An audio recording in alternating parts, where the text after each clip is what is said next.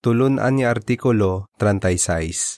Ining artikulo, pagatunan sa simana sang Oktubre 31 hasta Nobyembre 6. Ginapabaluran sa katawhan ni Jehova ang pagkamatarong. Teksto nga ginbasihan sining artikulo. Malipayon ang mga ginagutom kaginauhaw sa pagkamatarong. Mateo 5.6 Ambahano 9 Si Jehova ang aton hari. Ang binagbinagon sa sining artikulo. Sa sining malain nga kalibutan, mabudlay makakita sang matarong nga mga tawo. Pero, minilyon subong ang nagahimo sing matarong. Sigurado nga isa ka sa ila. Ginahimo mo ang matarong, bangod palangga mo si Jehova, kag importante kay Jehova ang pagkamatarong. Paano pagid naton mapabaloran ang pagkamatarong? Binagbinagon sa sining artikulo kung ano ang pagkamatarong kag kung ano ang mabinipisyo naton kung pabaloran naton ini. Binagbinagon man naton ang mga dapat naton himuon para mapabaloran pagid naton ini nga kinaiya. Para po uno, pamangkot. Ano nga pagtilaw ang eksperyensya ni Jose kag ano ang iya ginhimo?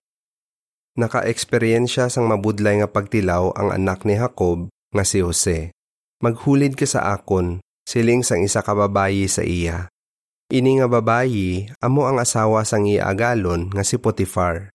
Pero ginpangindian siya ni Jose. Posible hunaw-naon sang iban, nga agin pangindian pa siya ni Jose? Sadto nga tion, wala sa balay si Potifar. Kag isa lang kaulipon si Jose, gani sigurado gid nga pabudlayan siya sang babayi, kagin pangindian niya siya. Pero bisan pa sulit-sulit nga ginasulay sang mabayi si Jose, ginpangindian siya ni Jose. Nga a, nagsiling si Jose. Paano ko mahimo ining dako nga kalainan kag magpakasala batok sa Dios?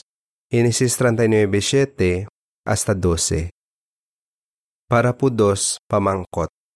Paano nabalaan ni Jose nga isa kasala sa Dios ang pagpakigilahi Paano nabalaan ni Jose nga isa kadako nga kalainan para sa iya Dios ang pagpakigilahi? Mga duha kagatos katuig pa pagkatapos ini nga hitabo nga ginhatag sang Dios sa mga Israelinhon ang kasuguan paagi kay Moises.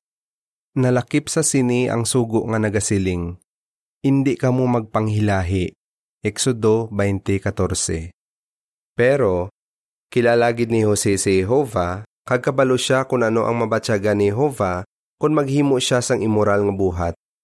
Halimbawa, sigurado nga nabalaan ni Jose nga ginhimo ni Jehova ang pagasawahay para lang sa isa ka lalaki kag isa ka babayi. Kag posible nga kabalo man siya nga duha ka beses nga ginamligan ni Jehova si Sara nga lola sang yamay sang gusto pang asawon sang iban si Sara. Ginamligan man sang Dios ang asawa ni Isaac nga si Rebeka. Maathag sa ginsiling ni Jose nga nabalaan niya kung ano ang husto kag sala sa pagtamod sang Dios. Bangod palangga ni Jose ang iya Dios, ginpabaluran man niya ang matarong nga mga ginapatuman ni Jehova kagusto giniya initumanon.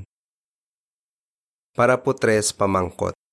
Ano ang binagbinago naton sa sining artikulo? Ginapabaluran mo bala ang pagkamatarong? Sigurado gid niya ginapabaluran mo ini. Pero bangod hindi kita tanan perpekto, Posible may impluensyahan kita sang pagtamod sang kalibutan sa pagkamatarong kung hindi kita maghalong. Gani binagbinago naton kung ano ang pagkamatarong kag kung ano ang mabinipisyo naton kung pabaloran naton ini. Dayon, binagbinago naton ang tatlo kabutang nga dapat naton himuon para mas pabaloran pagid naton ang mga kasuguan ni Jehova. Ano ang pagkamatarong? Para po 4, pamangkot. Ano ang sala nga ginapaminsar sang madamo nga tawo parte sa pagkamatarong? Ano ang ginapaminsar sang madamo nga tawo kun hambalan ang parte sa matarong nga tawo? Ginapaminsar nila ang isa ka tawo nga bugalon, nagapakalain sang iban, o kung nagahuna-huna nga mas maayo siya sang sa iban. Pero wala agid na namian ang Diyos sa sini nga mga kinaiya.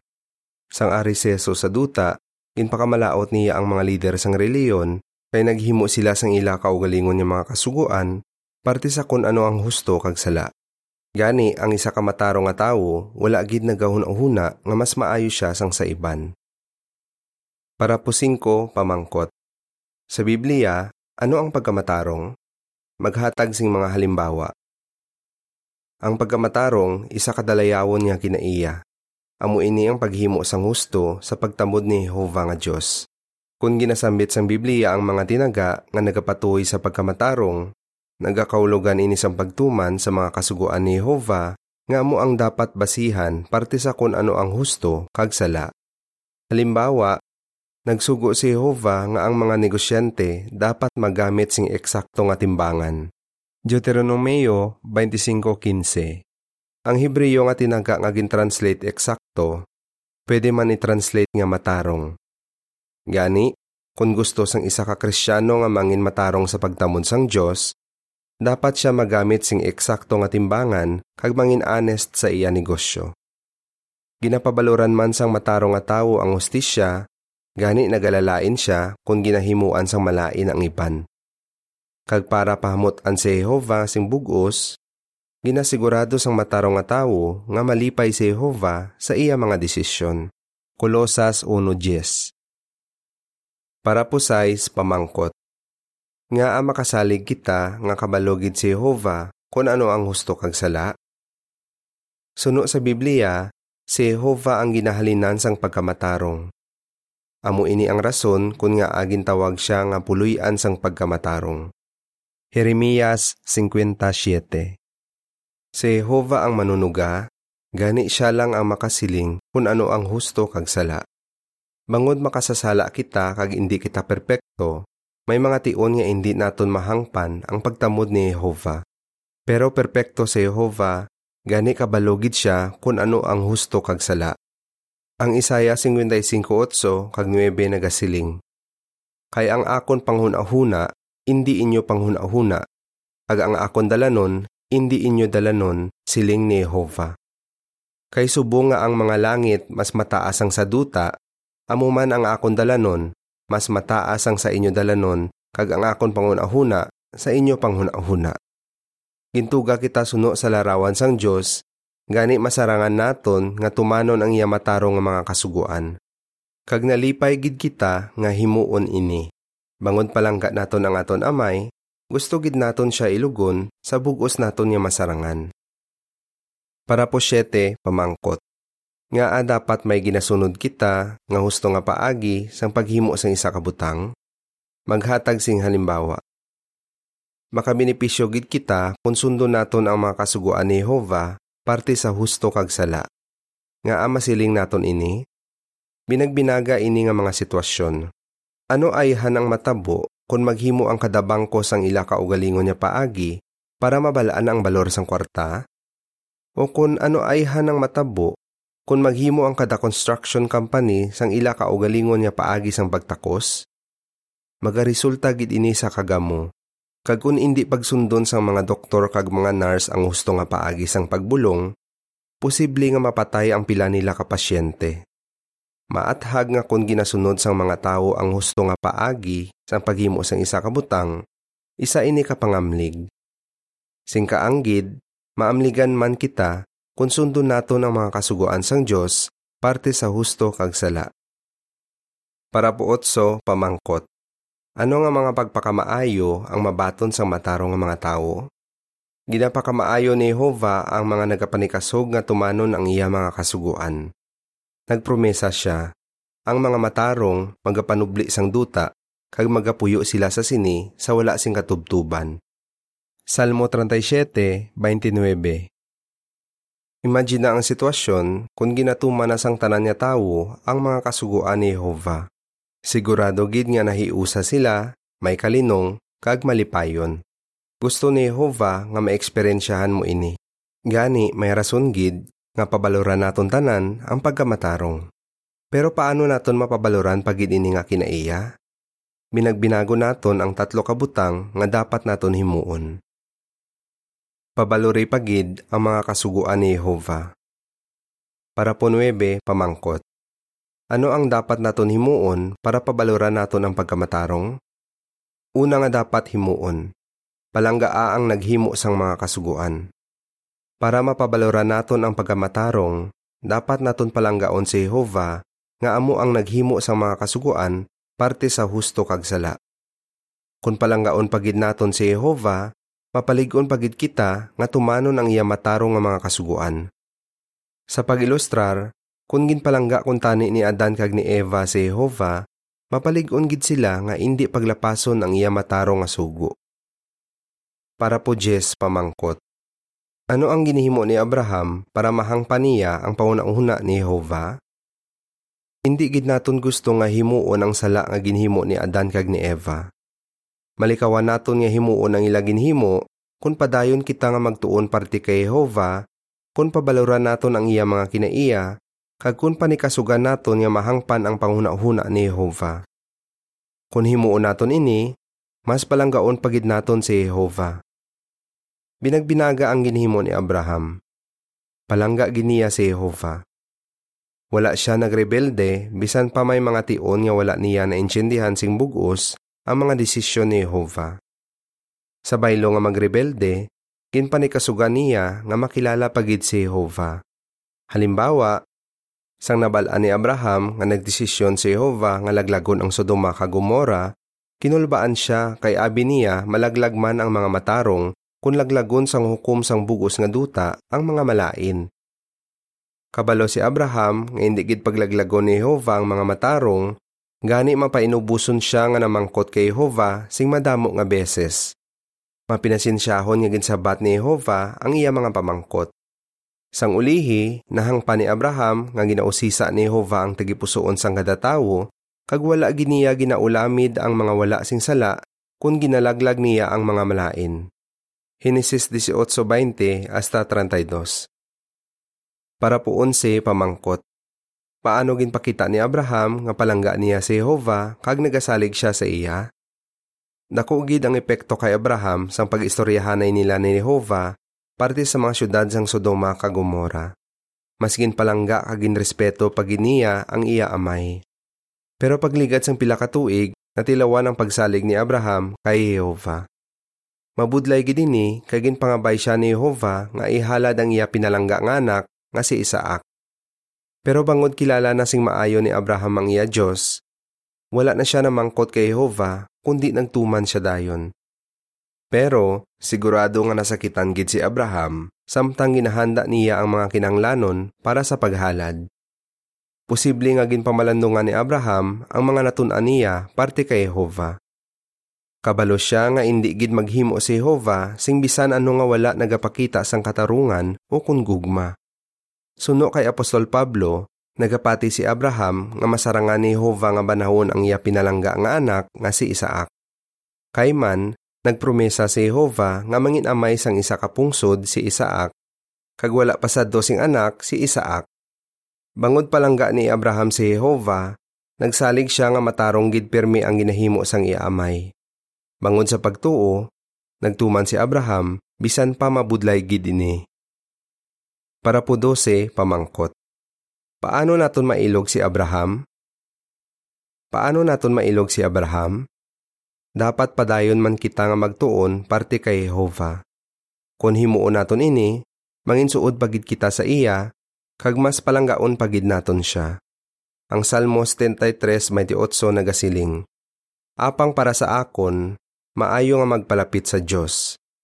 Ginhimo ko ang soberanong Ginoong Jehova nga akon dalangpan, agud ipahayag ang tanan niya nga binuhatan.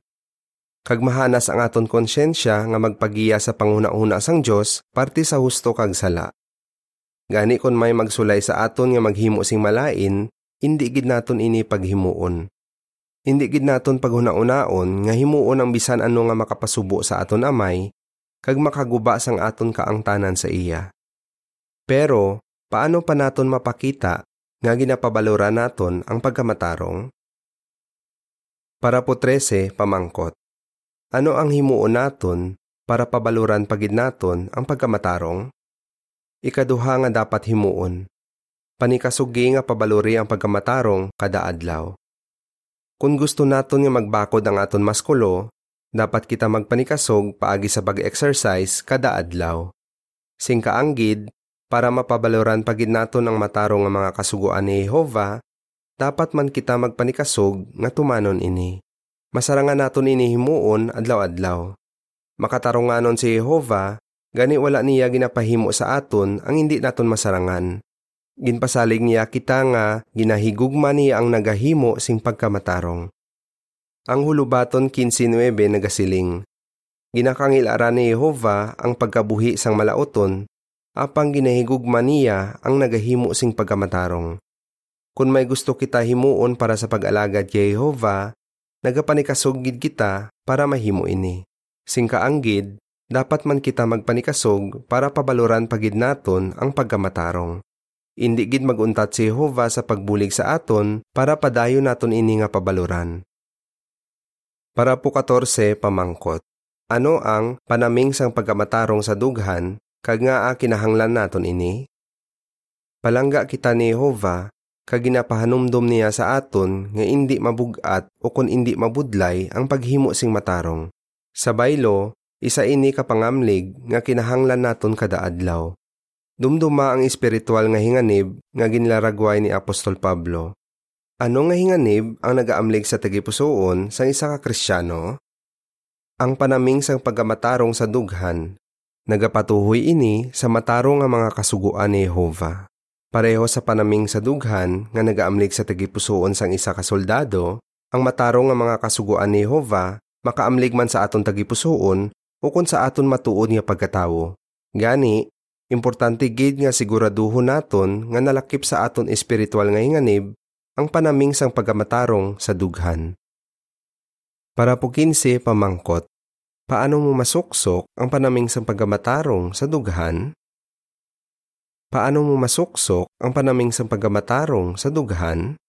Paagi sa pagbinagbinag sa mga kasuguan sang Diyos kung nagahimo kasing desisyon kada adlaw. Kung mahimuon ka nga desisyon parte sa topiko nga gusto mo istoryahan, sa musika nga gusto mo pamatian, sa palagwaon nga gusto mo tanawon, o kung sa libro nga gusto mo basahon, pamangkutaan ay ang imo kaugalingon.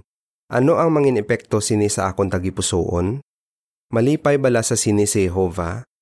O kung base parte ini sa mga butang nga hindi matarong, suno sa pagtamod ni Jehova pareho sang imoralidad, kasingki, kakagod, kag pag-una sa kaugalingon? Kung suno sa kabubuton ni Jehova ang imo ginahimo nga mga desisyon, ginapaamligan mo sa iya mataro nga mga kasuguan, ang imo tagipusoon. Para po 16 kag 17 pamangkot. Ano ang ginasiling sang Isayas 48:18 nga nagapasalig sa aton nga masarangan naton ang pagtuman sa mataro nga mga kasuguan ni Jehova hasta sa wala sing katapusan? Nabalaka ka bala nga basi magabot ang tion nga hindi mo na masarangan ang pagtuman sa mataro nga mga kasuguan ni Jehova? Binagbinaga ang isa ka ilustrasyon nga gingamit ni Jehova nga mabasa sa Isayas 48:18. Ini nagasiling. Luyag ko nga magpamati ka sa akon mga sugo. Kung himuon mo ini, ang imo pagidait, mangin kaangay sang suba, kag ang imo pagkamatarong, mangin kaangay sang mga balod sang dagat. Nagapromesa si Jehova nga ang aton pagkamatarong mangin kaangay sang mga balud sang dagat. Imagine nga ara ka sa higad sang baybay, kag ginatan-aw mo ang mga balod nga wala nagauntat. Sa sini nga kahimtangan nga naga-relax ka, mabalaka ka bala nga basi magabot ang tion nga wala ka nasing makita nga balod? Hindi. Kabalo ka nga linibo na katuig nga nagahampas ang mga balod sa higad sang baybay, kag sigurado ka nga hindi ini maguntat. Pwede gid nga mangin pareho sa mga balud sang dagat ang imo pagkamatarong. Paano? Kung may himuon ka nga desisyon, binagbinaga anay kung ano ang gusto ni Jehova nga himuon mo. Dayon himua ang gusto ni Jehova. Bisan pa mabudlay ang himuon mga desisyon, ara pirmi ang imo mahigugmaon ni Amay para pabakuron ka kag buligan niya tumanon ang iya mataro nga mga kasuguan kada adlaw. Ang caption sang picture nagasiling. Ang imo pagkamatarong mangin kaangay sang mga balod sang dagat. Para po 18, pamangkot. Nga a hindi naton dapat paghukman ang iban base sa aton kaugalingon niya pagtamod. Ikatlo nga dapat himuon, hindi paghukmi ang iban kay si Jehovah amo ang nagahukom. Samtang ginapanikasugan naton nga tumanon ang mataro nga mga kasuguan ni Jehovah, hindi naton dapat paghukman ang iban base sa aton kaugalingon nga pagtamod kag hindi naton paghuna-unaon nga mas maayo kita sang sa ila. Wala kita sing kinamatarong nga magsiling kung balagi natuman sang iban si Jehova o kung wala. Tandaan naton nga si Jehova amo ang hukom sang bugos nga duta. Genesis 18:25 Wala gintugyan ni Jehova sa aton ang paghukom. Ang matuod, hinasugo kita ni Jesus, untatin ninyo ang paghukom, agud hindi kamo paghukman sang Diyos. Mateo 7.1 Ang footnote nagasiling, May mga tion nga dapat maghukom ang mga gulang sang kongregasyon kung bala nagahinulsolgid ang nakahimo sang seryoso nga sala. Pero, mapainubuso nila nga ginabaton nga hindi sila makabasa sang tagipusoon kag nagahukom sila para kay Jehova. Ginailog nila ang Diyos paagi sa pagpanikasog nga mangin makatarunganon, maluluyon, kag pata sa ila paghukom. Balik sa parapo. Parapo 19 pamangkot. Paano ginpakita ni Jose nga nagasalig siya sa paghukom ni Jehova? Binagbinago naton liwat ang halimbawa sang mataro nga tawo nga si Jose. Wala niya ginhukman ang iban pati ang mga naghimo sa iya sing malain. Ginsakit siya sang iya mga utod, ginbaligya nila siya bilang ulipon, kaginpapati nila ang ila amay nga patay na si Jose. Pagligad sang madamo nga tinuig, nakaupod liwat ni Jose ang iya pamilya. Sa siningation, isa na kagamhanan nga manugahom si Jose, gani pwede niya kuntani hukman sing mapintas ang iya mga utod, kagbalusan sila. Ang matuod, nahadlok ang mga utod ni Jose nga amugid sini ang himuon niya sa ila. Nahadlok sila bisan pa sinsero na sila nga naginulsol sa ila ginhimo. Pero ginpasalig sila ni Jose, Hindi ka mo magkahadlok. Ako bala ang Diyos? Genesis 50:15 hasta 21. Mapainubuson si Jose, kagabalo siya, nga si Jehova lang ang may kinamatarong nga magukom sa iya mga utod para po 20 kag 21 pamangkot. Paano naton malikawan ang paghuna-una nga mas maayo kita sang sa iban? Pareho kay Ose, hindi naton paghukman ang iban kay si Jehova amo ang nagahukom. Halimbawa, kung may ginhimo ang isa ka utod, hindi naton paghuna-unaon nga nabalaan naton ang rason kung nga agin himo niya ini. Hindi kita makabasa sang tagipusoon kag si Jehova lang ang makausisa sang mga motibo. Hulubaton 16.2 Palangga niya ang tanan nga klase sang tawo, anuman ang ilagindakan kag kultura. Kag ginapaligon kita ni Jehova nga buksan naton sing masangkad ang aton tagipusoon. Ikaduhang Korento 6.13 Panikasugan naton nga palanggaon ang tanan naton nga kauturan, hindi nga hukman sila. Ginapahangop man sini nga wala kita sing kinamatarong nga hukman ang mga indi bahin sang kongregasyon. Halimbawa, hukman mo bala ang imo paryente nga indi saksi paagi sa pagsiling, indi gina siya magsaksi? Indi mo gid ina paghimuon. Kay kun himuon mo ina, daw pareho lang nga ginapangunahan mo si Jehova, kag ginahuna-huna mo nga mas maayo ka sang sa iban. Ginahatagan pa ni Jehova ang tanan niya katawhan bisan diin sing kahigayunan nga maginulsol. Binuhatan 17.30 Tandai nga para kay Jehova, hindi kita matarong kung hunaon naton nga mas maayo kita sang sa iban. Para po 22 pamangkot. Nga gusto mo gid pabaluran ang pagkamatarong? Kung pabaluran naton ang matarong nga mga kasuguan ni Jehova, mangin malipayon kita kag mapaligo naton ang iban nga manginsuod sa aton kag sa aton Dios. Kabay pa nga padayon naton nga pabaloran ang pagkamatarong nga daw pareho lang nga ginagutom kita kag ginauhaw sa sini. Mateo 5:6. Makasalig ka nga makita ni Jehova nga ginapanikasugan mo nga himuon ng matarong kag nalipay gid siya sa sini. Bisan pa nagalain na gid nga nagalain ang hindi matarong nga mga tawo sa kalibutan, hindi ka dapat maluyahan sang buot Tandai nga, ginahigugma ni Jehova ang matarong. Salmo 146.8 Ano ang imo sabat? Ano ang pagkamatarong? Ano ang binipisyo kung tumano naton ang mataro nga mga kasuguan ni Jehova? Ano ang himuon naton para pabaluran pagid naton ang mataro nga mga kasuguan ni Jehova? Ang bahanon 139, handurawa nga bag-o na ang tanan. Diri natapos ang artikulo.